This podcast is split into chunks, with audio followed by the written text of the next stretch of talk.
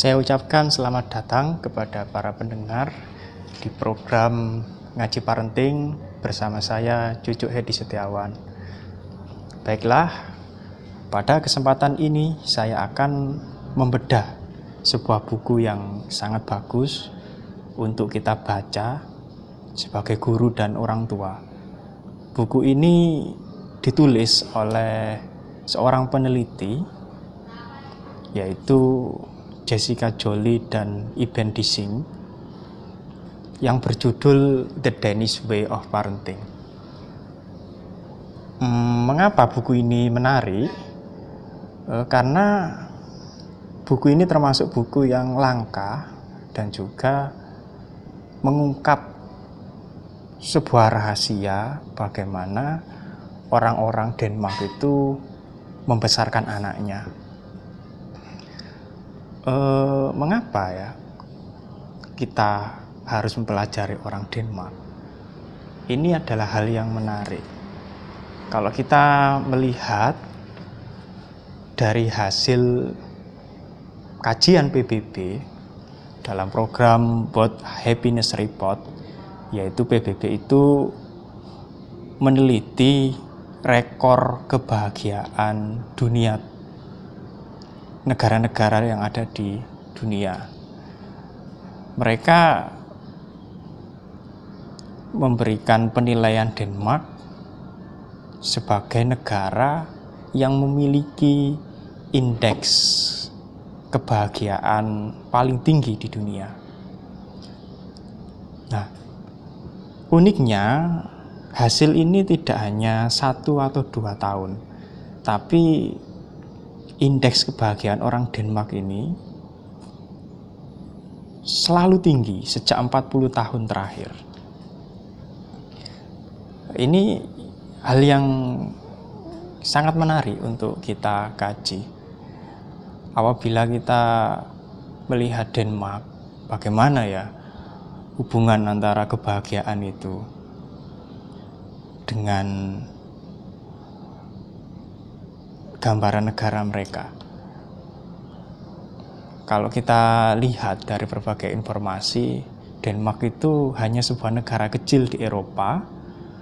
Di sana sangat dingin karena memang seperti kebanyakan bangsa Eropa, secara geografis negara mereka dingin diliputi dengan salju dan juga pajaknya tinggi.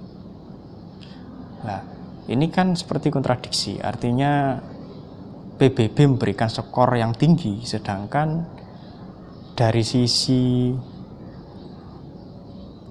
kultur dan juga eh, secara geografis ini saling bertentangan. Lantas apa ya rahasianya? Kok PBB itu memberikan skor yang tinggi pada mereka? Ketika kita riset, kita melakukan penelitian, akhirnya disimpulkan bahwa rahasia mereka ada pada pola pengasuhan mereka. Filosofi orang Denmark dalam memberikan pengasuhan itu menjadi kunci keberhasilan mereka dalam menerapkan pola pengasuhan yang menghasilkan anak-anak yang tangguh dan bahagia.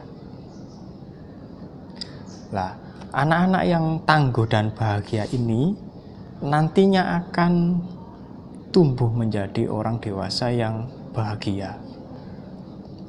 Nah, ajaibnya di sini bahwa pola pendidikan itu sifatnya akan diturunkan terus-menerus. Pola-pola pengasuhan mereka yang mereka dapat sejak kecil akan mereka turunkan pada anak-anak mereka.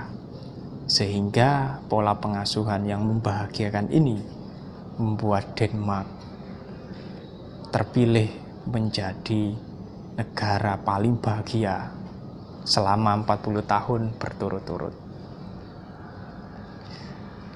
Apabila kita lihat semua permasalahan itu dimulai dari pendidikan pendidikan yang bagus baik itu pendidikan di rumah ataupun pendidikan di sekolah, itu akan menghasilkan sumber daya manusia yang unggul.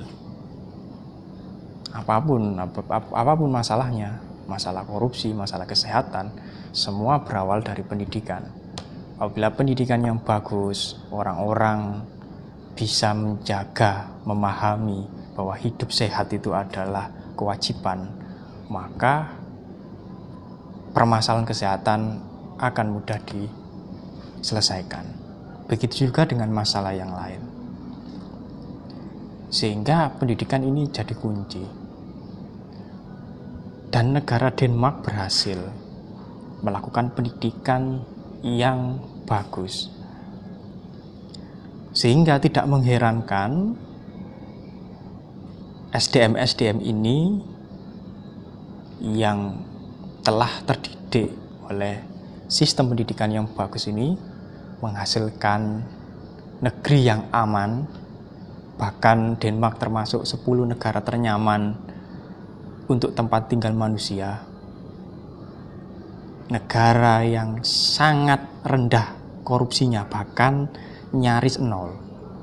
Dan negara yang aman dengan kriminalitas yang sangat rendah Melalui kajian ini, kita akan dibawa untuk menyelami lebih dalam lagi bagaimana orang-orang Denmark menyiapkan generasinya.